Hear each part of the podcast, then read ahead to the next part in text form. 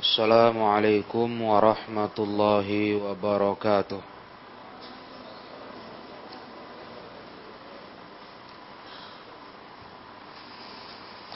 إن الحمد لله نحمده ونستعينه ونستغفره ونعوذ بالله من شرور أنفسنا ومن سيئات أعمالنا من يهده الله فلا مضل له ومن يضلل فلا هادي له أشهد أن لا إله إلا الله وحده لا شريك له وأشهد أن محمدا عبده ورسوله يا أيها الذين آمنوا اتقوا الله حق تقاته ولا تموتن إلا وأنتم مسلمون يا أيها الناس اتقوا ربكم الذي خلقكم من نفس واحدة وخلق منها زوجها وبث منهما رجالا كثيرا ونساء واتقوا الله الذي تساءلون به والأرحام إن الله كان عليكم رقيبا يا أيها الذين آمنوا اتقوا الله وقولوا قولا سديدا يصلح لكم أعمالكم ويغفر لكم ذنوبكم ومن يطع الله ورسوله فقد فاز فوزا عظيما فإن أصدق الحديث كتاب الله وخير الهدى هدى محمد صلى الله عليه وسلم وشر الأمور محدثاتها فإن كل محدثة بدعة وكل بدعة ضلالة wa kulla dhalalatin finnar Amma ba'd kaum muslimin rahimakumullah Syukur alhamdulillah kita dapat kembali melanjutkan majlis ilmu dalam tujuan mengenal Islam yang benar-benar sesuai dengan sunnah Rasulullah sallallahu alaihi wasallam. Yang mana dalam upaya itu kita berusaha mempelajari kitab-kitab peninggalan warisan para ulama. Yang di antaranya adalah kitab Bulughul Maram min Adillatil Ahkam. Yang ditulis seorang ulama madhab syafi'i Al-Imam Ibnu Hajar Al-Asqalani rahimahullahu ta'ala. Dan dalam rangkaian pelajaran kitab Bulughul Maram kita sudah masuk ke dalam Kitabul Haji seputar masalah haji. Yang mana kajian kita dalam Kitabul Haji sampai di hadis 614 dari total penomoran kitab Bulughul Maram versi syarahnya Taudihul Ahkam. Masalah haji, ma'asyiral ikhwah rahimakumullah yang sudah kita baca adanya larangan-larangan orang berihram. Ya memang harus sabar. amalan haji ini tahun ini memasuki tahun kedua. Indonesia belum diizinkan untuk melaksanakan ibadah haji ke tanah suci. Keputusan untuk haji 2021 1442 Hijriah sudah dikeluarkan bertepatan tadi hari Kamis tanggal 3 Juni Kementerian Agama Republik Indonesia mengumumkan pembatalan haji tahun 2021 ini. Berarti dua tahun. Masyarakat Indonesia tidak dapat melaksanakan ibadah haji. Jadi sudah final ikhwah. Tahun ini pun ibadah haji ditiadakan. Dengan pertimbangan yang pertama adalah masalah keselamatan masyarakat yang lebih diutamakan di masa pandemi yang masih terjadi. Dan alasan kedua dan ini yang lebih krusial.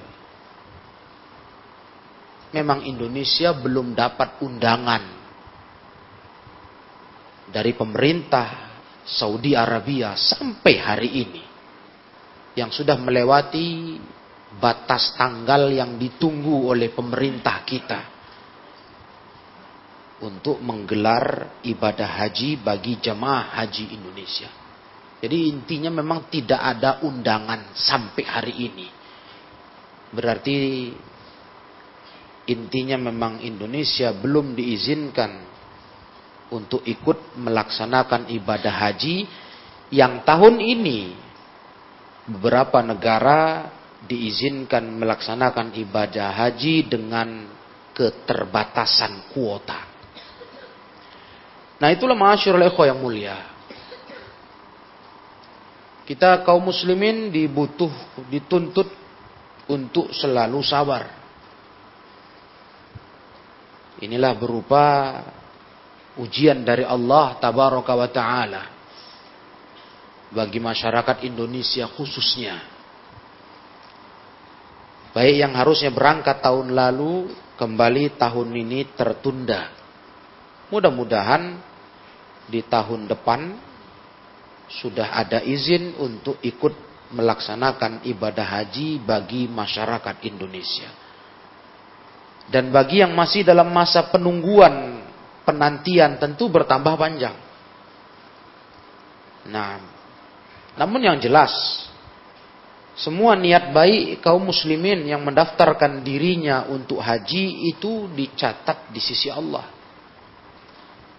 Itulah kelebihan niat baik. Beda dengan niat jahat. Tidak tercatat di sisi Allah sebelum kita melaksanakan, mengamalkan niat itu. Tapi kalau niat baik sudah dicatat sebagai pahala di sisi Allah tabaraka wa taala sekalipun kita belum mengamalkannya. Ya.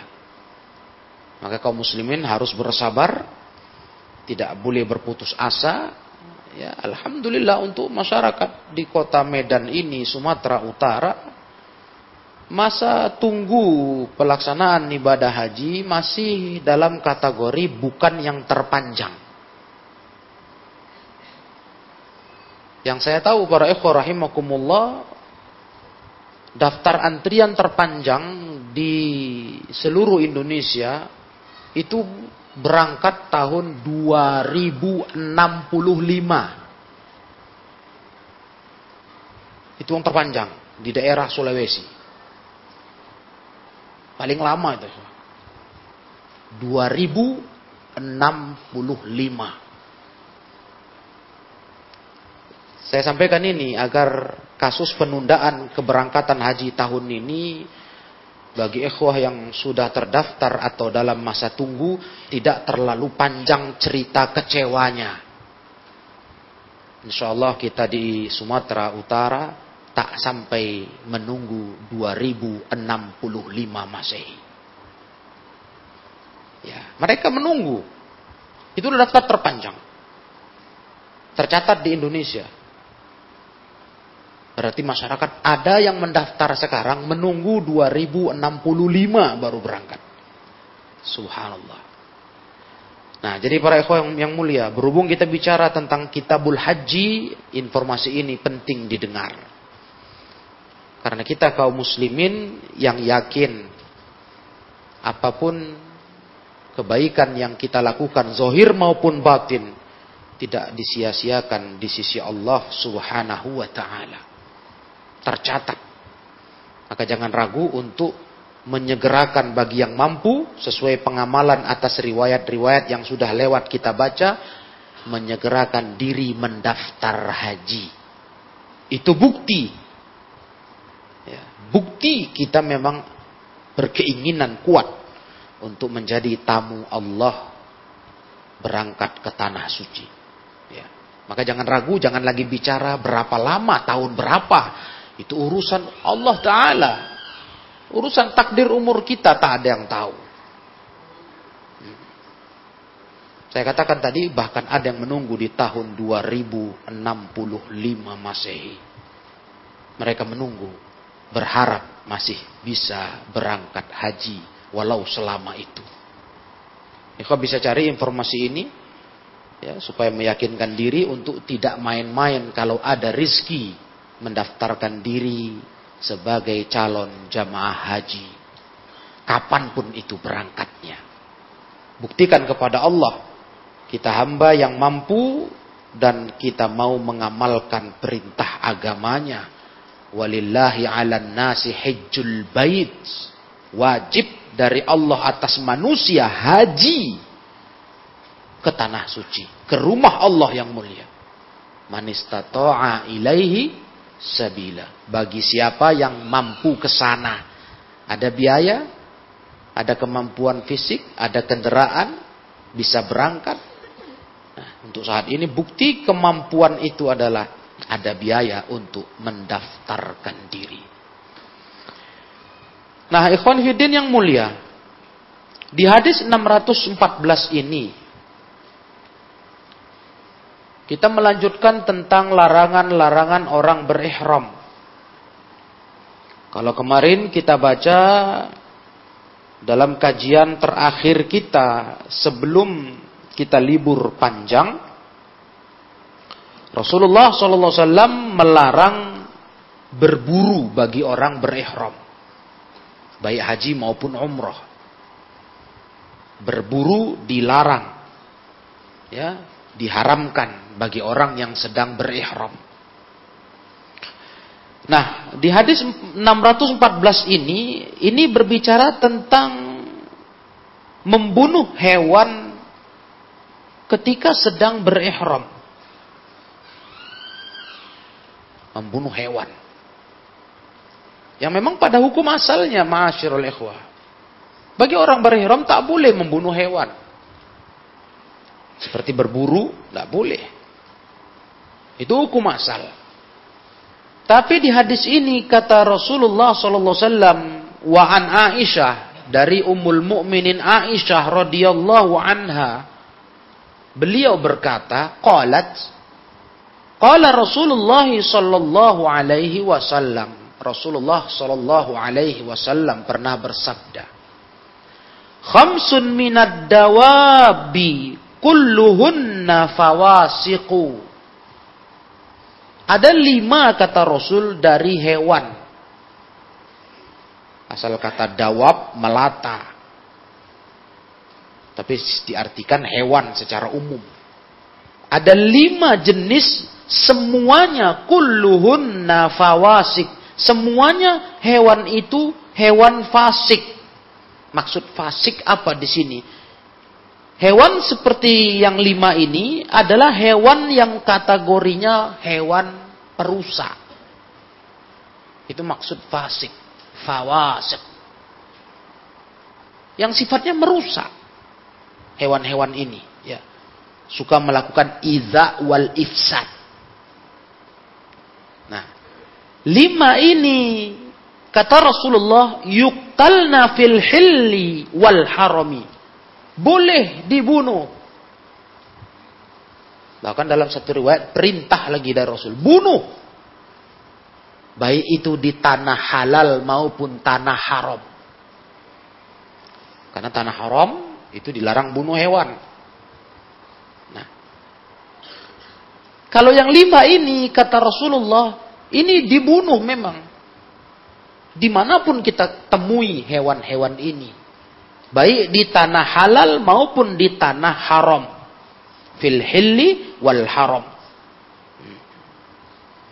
Berarti ini pengecualian ya Jenis hewan ini yang dikecualikan dari larangan membunuh ketika berihram di saat kita di tanah haram. Yang lima itu kata kata Nabi, yang pertama al-aqrabu yaitu kala jengking, akrab. Ini hewan harus dibunuh karena dia fawasik. Sifat merusaknya nampak, membahayakan, menyengat, berbisa, bisa mematikan. Itu bunuh. Iya. Kalau ikhwan masih ingat, dulu kita belajar di kitab Busolah, itu Rasulullah SAW perintahkan, Uktulul aswadaini walau fis Sampai kata Rasul, bunuh dua yang hitam, walaupun kamu sedang sholat. Apa dua yang hitam itu? Al-aqrab wal hayyah. Satu kala jengking, yang kedua ular.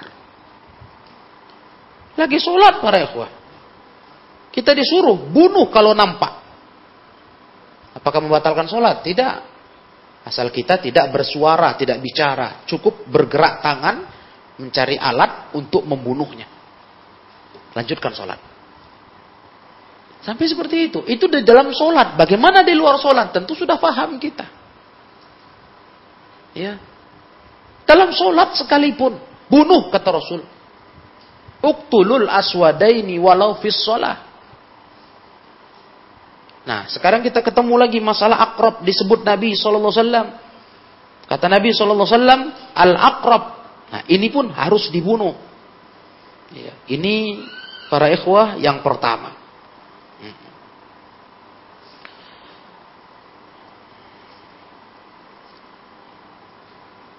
Nah, al-aqrab di sini kata para ulama itu termasuk yang sejenisnya. Artinya tidak terpatokkan hanya kepada ini saja, tapi yang sejenis daripada akrab. Ya, seperti lipan. Atau hewan-hewan yang sejenisnya yang itu membuat e, membahayakan, mengancam keselamatan manusia. Ya, sifatnya hewan-hewan ini hewan-hewan yang mengganggu, mengganggu, me, mengancam keselamatan manusia. Maka Rasulullah Shallallahu Alaihi Wasallam memerintahkan kepada kaum muslimin untuk membunuh hewan seperti itu. Makanya di sini ma'asyiral ikhwah rahimakumullah tidak dibenarkan kita merasa kasihan. Nah, di sini harus betul-betul difahami. Kita tidak dibenarkan merasa kasihan iba nah, atau dikatakan nggak tega. Berbicaralah perasaan Kalau kita tidak ganggu dia, dia tidak mengganggu. Toh dia nggak datang menyerang, hanya nampak biar saja sudah. Nah, nggak boleh. Kalau di sini kan lafat hadis yang kita baca ini Rasulullah SAW mengatakan dibunuh. Tapi di riwayat lain kita temukan bahkan perintah bunuh. Jadi bukan dasarnya kalau dia menyerang ya para jemaah. Ya dia menyerang. Tidak. Nampak dia, bunuh. Ini perintah agama. Yang tidak boleh sebagai seorang muslim menghukumi perintah ini dengan logika atau dengan akal dan perasaan belaka. Nah, ini hewan yang pertama. Kemudian yang kedua, wal hid'atu. Hid'ah Al-hid'ah kata ulama itu adalah elang. Elang dan yang semisalnya. Ya. Jadi para ikhwah elang dan yang semisalnya. Termasuklah itu raja wali atau burung-burung yang sejenisnya yang sifatnya itu menyambar. Ini perintah agama para jemaah yang dimuliakan Allah, kita harus membunuhnya. Ya, kita harus membunuhnya. Tidak boleh kita membiarkannya hidup kalau ketemu. Nah, memang ada hukum ketentuan dari negara hewan yang dilindungi yang itu tidak boleh diburu. Bahkan tidak boleh dipelihara. Elang ini salah satu masuk kategori itu. Jadi babnya ini para ikhwah kita bukan berburu ya. Bukan kita mencari untuk menemukan keberadaannya. Itu dilarang. Nah, kita membunuh jika ketemu dengannya dalam jangkauan kita. Memungkinkan kalau tidak di jangkauan kita diburu namanya. Nah, dan itu memang perintah dari agama dari Rasulullah Shallallahu Alaihi Wasallam yang menyuruh umat ini untuk membunuh hewan seperti itu. Iya. Karena tadi para ikhwah yang mulia, Rasulullah dalam hadis ini, sebagaimana ikhwah perhatikan hadis ini riwayat Bukhari Muslim, mengkategorikan hewan-hewan ini hewan-hewan fasik. Fasik di sini sebagaimana tadi saya terangkan, pengerusak, iza wal ifsad. Ini hewan para ikhwah adalah hewan yang merusak. Ya. Hewan yang mengganggu. Nah, dari sini kita tahu apa yang mungkin banyak kita lihat tren. Bisa kita bilang tren para ikhwah. Tren yang ditampakkan, eh, ditampil-tampilkan sebagai gaya hidup. Nah, punya peliharaan hewan-hewan buas. Ya, ikhwanifidin yang dirahmati Allah. Perbuatan seperti itu bukanlah perbuatan yang terpuji dalam pandangan agama. Hewan yang diperintah Rasul bunuh, malah kita keluarkan biaya yang tidak sedikit untuk memeliharanya, merawatnya. Di saat agama memerintahkan membunuhnya. Ini tren gaya hidup yang tidak ada kebaikan padanya. Tidak ada. Ya, malah ada bentuk pelanggaran kepada hukum syariat. Pelanggaran terhadap ajaran Rasulullah sallallahu alaihi wasallam. Berikutnya hewan yang ketiga.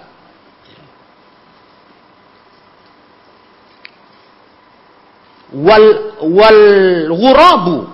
Ya. Wal ghurabu. Ghurab itu adalah gagak. Gagak Hewan ini termasuk yang Nabi Shallallahu Alaihi Wasallam izinkan dalam Islam untuk dibunuh. Apakah dibunuh di tanah halal ataukah dibunuh di tanah haram? Ya, al-ghurab. Al-ghurab ada pendapat dalam riwayat Muslim agak dirinci jenis gagaknya. Hmm, agak dirinci para ikhwah. Rinciannya seperti ini bunyi riwayatnya. Ghurab yang dimaksud itu dalam riwayat Muslim dikatakan al-ghurabul abqa. Al-ghurabul abqa. Yaitu yang di punggung di perutnya itu ada warna putih. Jadi bukan gagak hitam polos. Itu di riwayat Muslim namanya al-ghurabul abqa. Jadi kalau nanti ikhwah lihat dalam riwayat Muslim ada keterangan itu, betul. Hanya saja ma'asyurul ikhwah, sebagian ulama itu mencela tambahan riwayat Muslim tersebut. Tambahan itu dianggap itu tidak sahih. Al-Imam Ibnu Qudamah di antara ulama yang menyatakan ar-riwayatul mutlaqah as-sahhu. Riwayat yang menunjukkan mutlak untuk seluruh jenis gagak warna apa pun itu tidak mesti yang ada putih punggung dan perutnya, itu yang lebih sahih kata Imam Ibnu Qudamah. Itu yang lebih sahih. Yang menunjukkan umum, nggak ada perincian. Walaupun riwayat tambahan itu dikeluarkan Imam Muslim. Artinya, sepanjang itu burung adalah jenis gagak, apa pun corak warnanya, apakah polos hitam, umumnya gagak yang hitam. Ataukah yang memang ada putih punggung dan perutnya, tetap saja halal dibunuh. Walaupun kita berada di tanah haram. Halal dibunuh. Nah, begitulah para ikhwah rahimakumullah. Maka ini yang dikategorikan oleh ulama hewan-hewan yang memang boleh dibunuh. Cuma tidak berarti kita disuruh memburunya untuk membunuhnya, tidak ya untuk menyibukkan diri mencari-carinya tidak. Tapi kita boleh membunuhnya walaupun di tanah haram. Padahal seharusnya di tanah haram tidak boleh bunuh binatang. Tanah haram tidak boleh. Nah, jadi jangan ada yang salah arti salah makna. Jangan dikira ini perintah agama untuk kita memburu mengubernya wah nggak begitu ya kuah Iya. Kalau memang dia harus dibunuh karena nampak, ya, ya kita bunuh, boleh. Tapi kita tidak memburu, mengejar-ngejarnya, menyibukkan diri dengan itu. Tidak. Nah, itu yang diterangkan oleh para ulama. Nah itu yang ketiga. Ya, yang ketiga para ikhwah rahimakumullah adalah al al-ghurabu. Ghurab yakni gagak.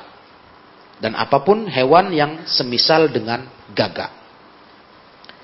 Kemudian yang keempat, wal fa'ratu. Al fa'ratu adalah tikus. Tikus ini memang hewan fasik ini. Iya. Hewan perusak betul. Fa'rah. Dan para ulama mengkategorikan apa pun yang semisal tikus jenisnya dan tingkah merusaknya itu masuk kategori yang boleh dibunuh walaupun di tanah haram. Nah, walaupun di tanah haram. Itu fa'rah. Karena tikus ini dalam bahasa Arab ada beberapa macam. Ya, ada beberapa jenis dia. Ada al-jardhu, al-fa'ru, al-khaladu. Ada beberapa uh, ragam, beda-beda nama. Tapi intinya tikus, cuma jenisnya ada yang tikusnya ukuran besar, ada yang uh, ya pokoknya macam lah. Dalam bahasa Arab begitu. Ada al-jardhu, al-fa'ru, al-khaladu. Nah, maka yang mana pun dia dalam uh, penamaan, kalau itu namanya masuk kategori jenis tikus, itu masuk hewan fasik kalau ketemu itu hewan, sekalipun di tanah haram, boleh dibunuh. Karena ini hewan perusak. Al-idha wal ifsad. Semua kita tahu. Nggak ada tikus baik budi. Ini binatang perusaknya luar biasa. Pantas betul ini untuk dibunuh, dibasmi. Itu tikus. Nah kemudian yang kelima, Kata Rasulullah sallallahu alaihi wasallam, "Al-kalbul aquru." Anjing galak. Ada sifat yang disebut Rasul. Al-aqur. Itu asal katanya akar, al-akru. Kalau akur itu wazannya faul. Faul itu termasuk wazan mubalaghah dalam ilmu sorofnya. Ya, mubalaghah yang sifatnya betul-betul galak gitu. Jadi dia membahayakan. Seperti umumnya anjing liar. Anjing liar, anjing hutan yang memang menyerang manusia. Hmm, serigala, masuk itu semua ya. Masuk serigala kata ulama termasuk dari kategori al-kalbul akur. Bahkan termasuk kategori al-kalbul akur yang sejenis itu agresifnya menyerang singa dan harimau. Itu boleh dibunuh walaupun di tanah haram. Makanya tadi saya katakan tren gaya hidup melihara harimau di rumah itu ndak usahlah ditiru. Iya. Apalagi mau dibanggakan keren, mantap gaya anak sultan. Hah? Yang dilarang agama dilanggar. Nanti silap harimaunya, dikunyahnya orang itu. Iya. Bisa saja silap dia. Kenapa tidak? Memang dia hewan buas. Ini kerjaan yang yang sia-sia, yang nggak perlu dibanggakan atau diceritakan hebat, nggak tanggung tanggung peliharaannya ya, mahal, ganas, wah, pokoknya paten lah sudah ke gaya hidupnya itu. Astagfirullah. Padahal Islam itu menyuruh dibunuh. Nah, karena dia nggak cocok berdekatan hidup di komunitas manusia. Ya, adapun kalau dilindungi ya ditangkarkan, dikurungkan. Itu Islam. Nggak nggak berhubungan dengan kita, dengan kehidupan manusia. Karena dalam hadis sampai seperti itu. Dan hikmahnya itu disampaikan oleh Nabi Shallallahu Alaihi Wasallam selain menunjukkan bolehnya dibunuh kata ulama hewan-hewan itu walaupun sedang di tanah haram jemaah haji dan umroh itu menunjukkan hewan-hewan tersebut hewan-hewan yang tidak baik. Makanya sampai ada izin membunuhnya di tanah haram sekalipun karena nggak baik ya, memang habitatnya memang buas itu udah sifatnya bukan mana nggak baik kita artikan dalam arti kayak orang manusia jadi penjahat. Enggak, memang itu habitatnya, ikhwah. Ya itulah gaya hidup hewan itu. Elang menyambar. Ya. Kemudian anjing liar itu memang menerkam. Dan yang sejenisnya tadi serigala. Itu habitatnya. Memang begitulah gaya hidupnya. Ya, habitatnya di alam terbuka yang memang merasa terganggu dengan ada manusia dan memang pemangsa ya daging dan sebagainya. Jadi itu memang sudah fitrah. Sudah begitulah keadaannya yang tidak boleh kita uh, terlibat dengannya. Makanya Nabi SAW mengizinkan umat Islam untuk membunuh hewan-hewan itu di tanah haram sekalipun. Apalagi di tanah halal. Jelas, nggak ada larangan ya. Di tanah haram. Nah, Nah, ikhwanifiddin, melihat adanya hewan yang memang dibolehkan dibunuh, bahkan diperintahkan dalam beberapa riwayat, memangnya ada hewan yang dilarang dibunuh? Ya ada juga. Ya. Jangan kita pikir para ikhwah yang dirahmati Allah, tidak ada hewan yang dilarang dibunuh. Memang datang nas melarang untuk membunuh jenis-jenis hewan tertentu. Ya. Nah, di antaranya ikhwan fillah yang dimuliakan Allah tabaraka wa taala. Yang Nabi SAW melarang, langsung muncul larangan dari Nabi wasallam. Ketika Nabi bertemu dengan sahabatnya, tahu-tahu ada dawa, ada obat. Ada obat. Nabi tanya, ini obat apa? Bagaimana ini obat maksudnya sumbernya apa? Sahabat Nabi SAW berkata, ini obat dari kodok ya Rasul. Ya, minyak katak lah kita bilang. Dulu sempat juga ya banyak tukang obat menjualkannya. Ini ampuh ini banyak kegunaan kurap-kurap, gatal-gatal dan sebagainya. Mendengar itu Nabi SAW langsung menyatakan melarang iya, membunuh kodok, kata itu dilarang. Tidak boleh. Dari sinilah ikhwan fiddin rahimakumullah ulama mengambil istimbat kodok termasuk hewan haram dimakan. Karena tak mungkin kita konsumsi hidup-hidup. Harus dibunuh. Kalaupun ada berani nelan kodok bulat-bulat hidup-hidup ya mati juga. Intinya tidak boleh dibunuh kata Rasul. Hmm. Dan dalam hukum Islam pun salah satu keutamaan para tulabul ilm, penuntut ilmu yang keistimewaan mereka di antaranya bersolawat untuk mereka hattal hud sampai ikan-ikan di lautan. Hewan-hewan bersolawat. Karena memang penuntut ilmu belajar tentang agama Allah dari hadis-hadis Rasul yang membentuk kepribadian mereka untuk menyayangi makhluk hidup, hewan-hewan. Arti kata ikhwah, hewan-hewan yang tidak ada kaitannya dengan pengganggu hidup manusia. Yang merusak uh, keamanan hidup manusia, itu nggak boleh diganggu, nggak boleh dibunuh, dilarang.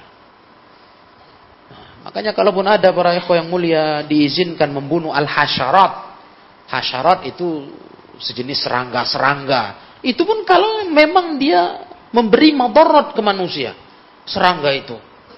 Ada madarat yang ditimbulkannya. Nah, bukan segala sembarang dibunuh, sembarang boleh disakiti, dibunuh. Tidak. Itu Islam. Tapi yang memang dibolehkan dibunuh, ya tidak pula sungkan untuk dibunuh. Tidak berbicara perasaan. Nah, untuk kasihan. Nah, ada pula orang kasihan, tikus mau dibunuh. La haula wa la quwata illa billah. Ya, padahal semua orang tahu ya bagaimana binatang ini. Ada yang nggak tega, dia nggak usah kasihan, lepaskan sajalah. Udah ketangkap tikus itu. Nah, itulah indahnya ilmu, yang berusaha membentuk kita jadi pribadi yang mulia dengan syariat Islam. Tindakan kita diwarnai dengan syariat, dihiasi dengan ilmu. Kita mencegah diri dari sesuatu, mengerjakan sesuatu dengan ilmu, bukan lagi perasaan buta, rasa-rasa hati kita, menurut kita, tidak begitu. Tapi semua dikembalikan kepada ilmu yang diwariskan oleh Rasulullah sallallahu alaihi wasallam. Jadi ikhwan yang mulia, kalau kita ringkaskan secara umum kata Syekh, hewan itu ada empat macam al-hayawanat arba'atu aksam. Ada empat macam. Yang pertama matabu'uhul adha. Yang tabiatnya memang menyakiti, merusak. Itu yang tadi kita baca lima. Lima ini dan yang sejenis semisal-misal lima ini masuk kategorinya. Kalau itu memang yusra'u qatluh. Memang disyariatkan dibunuh. Seperti yang lima tadi kita baca, itu memang syariatnya dibunuh ya akrob, jengking, lipan masuk, ular masuk. Itu maksudnya dibunuh. Bukan dipelihara. Bukan dirawat. Dibunuh. Nah, ya, begitu. Itu yang pertama. Memang tabiatnya itu dia. Memang dia itu makhluk yang dicipta Allah tentu dengan hikmah yang dia mengganggu. Dia buas. Maka ini harus dibunuh. Yang kedua, malayu kalwalayuzi. Yang hewan itu tidak dimakan, tidak pula menyakiti. Dia nggak untuk konsumsi makanan, tapi juga nggak mengganggu. Maka hukumnya yukrohu qatluh. Dimakruhkan, dibunuh. Berarti tidak boleh, lebih baik ditinggalkan. Jangan diganggu. Dia bukan untuk dimakan, tapi juga tidak mengganggu. Makanya kuah, walaupun dia hanya serangga kecil, jangan sepele. Ah, Ah, berapalah nilai binatang sekecil ini? Tidak ada masalahnya. Tidak begitu. Sepanjang hewan itu memang bukan untuk dikonsumsi dan tidak mengganggu, wala yu'zi. Nggak mengganggu seperti kalau serangga kan menyengat, menggigit, nggak ada. Hewan ini nggak ganggu. Ya sudah, jangan dibunuh. Karena yukroh, dimakruhkan. Kita tahu hukum makruh berarti meninggalkan perbuatan membunuhnya berpahala. Itu makruh. Walaupun dikerjakan nggak dosa, tapi meninggalkannya berpahala. Untuk apa kita bunuh sia-sia? Nah, lebih bagus kita tinggalkan. Kan dan kita berpahala. Ingat itu. Ini pembagian kedua. Yang ketiga al-hayawanul mustanis. Hewan-hewan yang jinak yang memang dipelihara. Nah, seperti bahimatil am, ya, hewan-hewan ternak, hewan yang dipelihara, Memang dirawat dia, hewan ternak. Nah, kalau ini tentu mubah untuk disembelih. Untuk dikonsumsi, mubah. Tidak ada masalah. Iya. Kalau memang untuk yang konsumsi. Tapi kalau enggak untuk konsumsi hewan dipelihara, ya tentu untuk apa dibunuh? Malah dilarang agama, ada yang sifatnya dilarang. Tidak nah, boleh. Gitu ya, Jadi Islam ini punya aturan ya, punya aturan lengkap. Tidak lagi dibutuhkan akal kita untuk uh, memilih-milihnya atau menentukannya, meraba-raba lagi. Nggak usah. Ada sudah nas-nas yang sorih, sorihun sahih. Dan dia sahih untuk kita kerjakan. Kita ikuti. Ya. Nah ini jenis yang ketiga. Yang keempat al-hayawanul bariyul ma'kul. Nah, ini para ekho yang mulia, hewan-hewan yang dimakan yang memang dia itu bebas. Berarti hewan buruan. Nah, ini yang nggak boleh dibunuh di tanah haram. Selain yang lima tadi. Hewan buruan lepas. Itu di waktu kita di tanah haram, kita berihram ya. Nah, ini tidak boleh, dosa kita membunuhnya.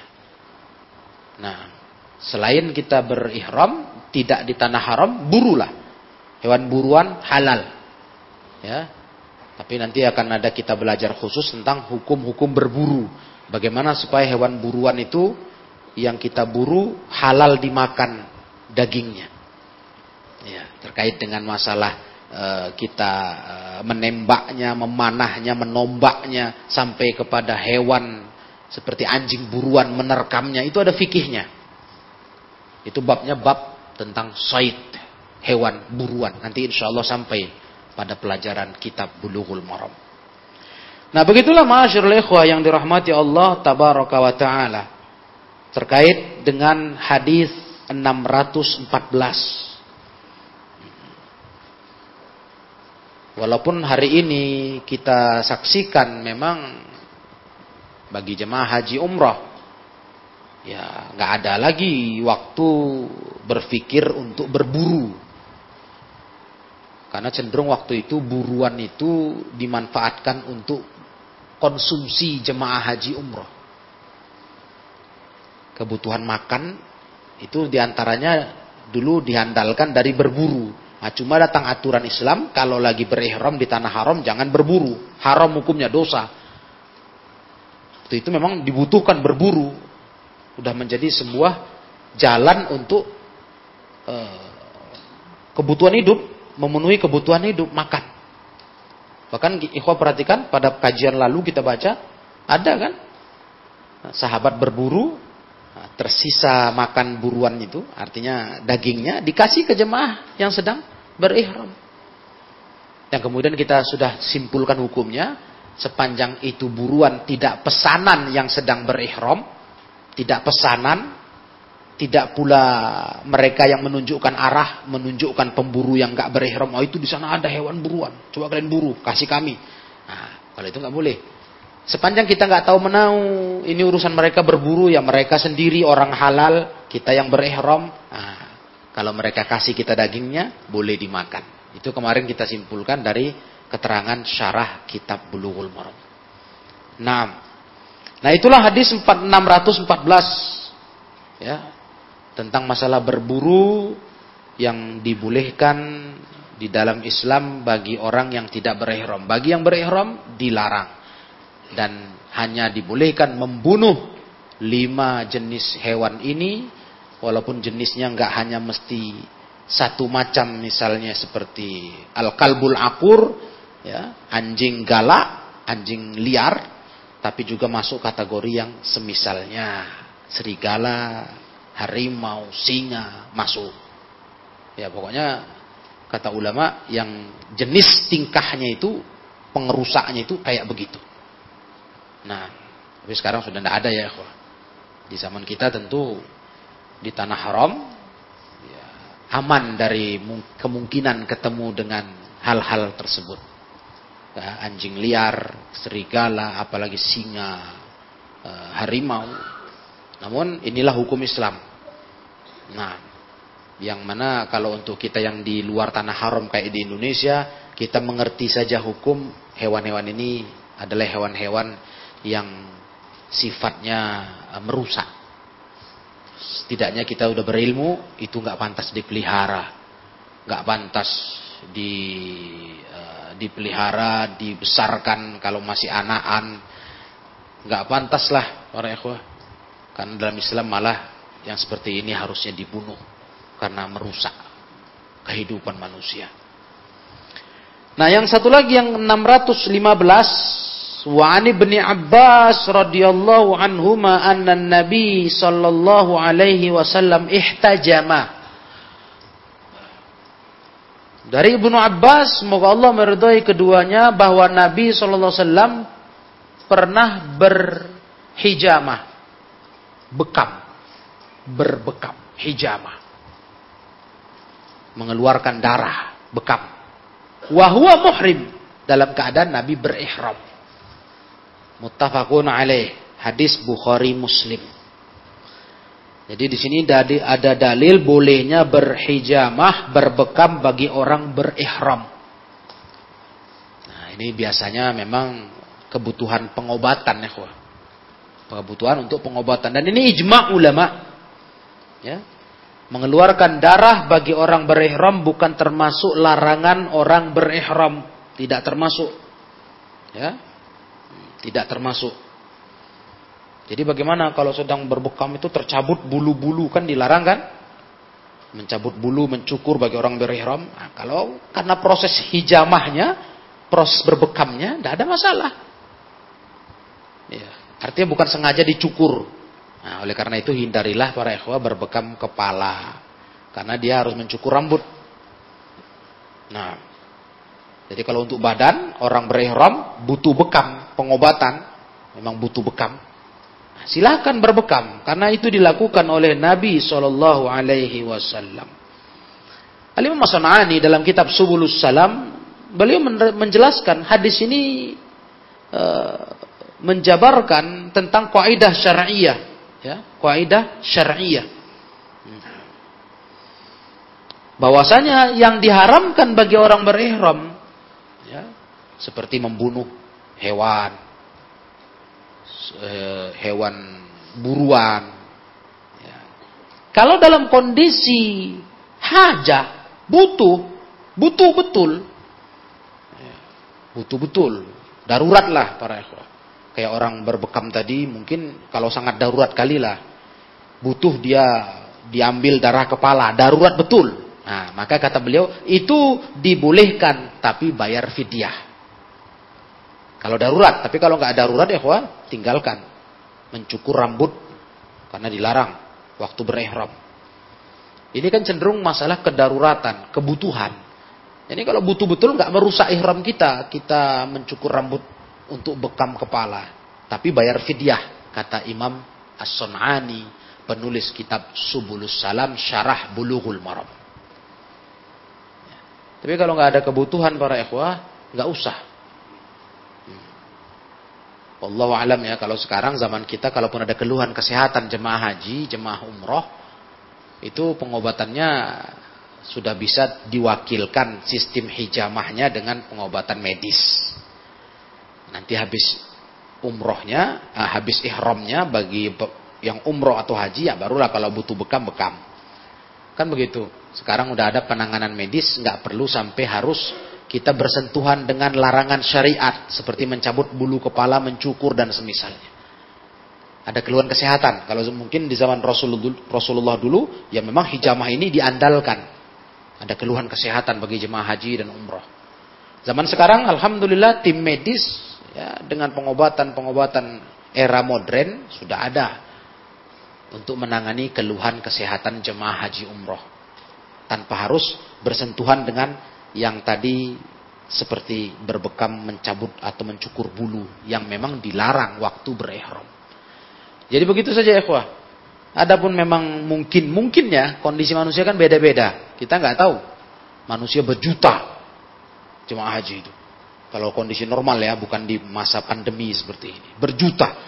Ya mungkin ada orang yang memang pengobatan yang ampuh bagi dia bekam. Dia nggak kenal pengobatan medis modern, nggak tahu dia. Dengan bekam sehat dia. Ya memang itu yang dia jalani mungkin selama ini. Silahkan. Rasulullah pernah berbekam, kata Ibnu Abbas, sedangkan beliau berihram. Jadi aman. Tidak usah ragu, memang butuh. Selama ini pun dia sebelum pergi haji umroh, memang kondisinya dengan bekam itulah ya, yang dia jalani. Tibun Nabawi, pengobatan cara Nabi. Maka untuk orang seperti ini, ma'asyiral ikhwah yang dirahmati Allah, kita persilahkan. Jangan takut, jangan ragu, berbekamlah. Nah, kalaupun darurat kali mesti harus kepala, mencukur rambut, bayar fidyah. Kalaupun tidak perlu sampai kepala cukup di badan, ya sudah. Bulu-bulu yang terikut dengan teknik tarikan bekam itu, uh, itu tidak ada masalah. Nah, demikianlah para ikhwah yang dirahmati Allah tabaraka wa taala. Ya, ada pada malam hari ini kita dapati dua hadis 614 sampai 615 sebagai tambahan untuk pelajaran kitabul haji. Mudah-mudahan ya kita doa sama Allah haji untuk jemaah Indonesia bisa terwujud normal kembali tahun depan. Itu doa kita kepada Allah Ta'ala. Ya, kondisi yang tidak stabil hari-hari ini dapat teratasi. Diberi Allah solusinya tanpa kita mendalam-dalam bicara apakah ini memang pandemi yang sesungguhnya atau dipandemikan saja. Oh, itu cerita kedua. Yang pasti kita minta sama Allah masalah yang timbul dengan uh, seputar cerita wabah virus ini diangkat Allah sehingga tahun depan saudara-saudara kita jemaah haji yang sudah tertunda dua tahun ini bisa mengamalkan ibadah haji sesuai harapannya. Dan yang menunggu giliran pun bisa dapat gambaran kepastian. Ya, karena kalau udah berjalan urutan giliran kan ada titik jelas akan sampai ke giliran kita. Lah kalau mandek gini kan, nah sudahlah. Udah dua tahun berarti yang sudah punya rancangan, rancangan berangkat tahun 2000 sekian, udah sadar dia, aku mundurlah dua tahun. Pasti itu. Dia udah sadar diri. Nah, makanya itu kita harapkan doa sama Allah nah, agar masalah kondisi sekarang diperbaiki, diselamatkan Allah lagi dan haji pun berjalan normal seperti tahun-tahun dulu insyaallah taala. Ya, demikian ikhwah saya cukupkan semoga bermanfaat. Wallahu a'lam bissawab. Wa akhiru da'wana anil hamdulillahi rabbil alamin.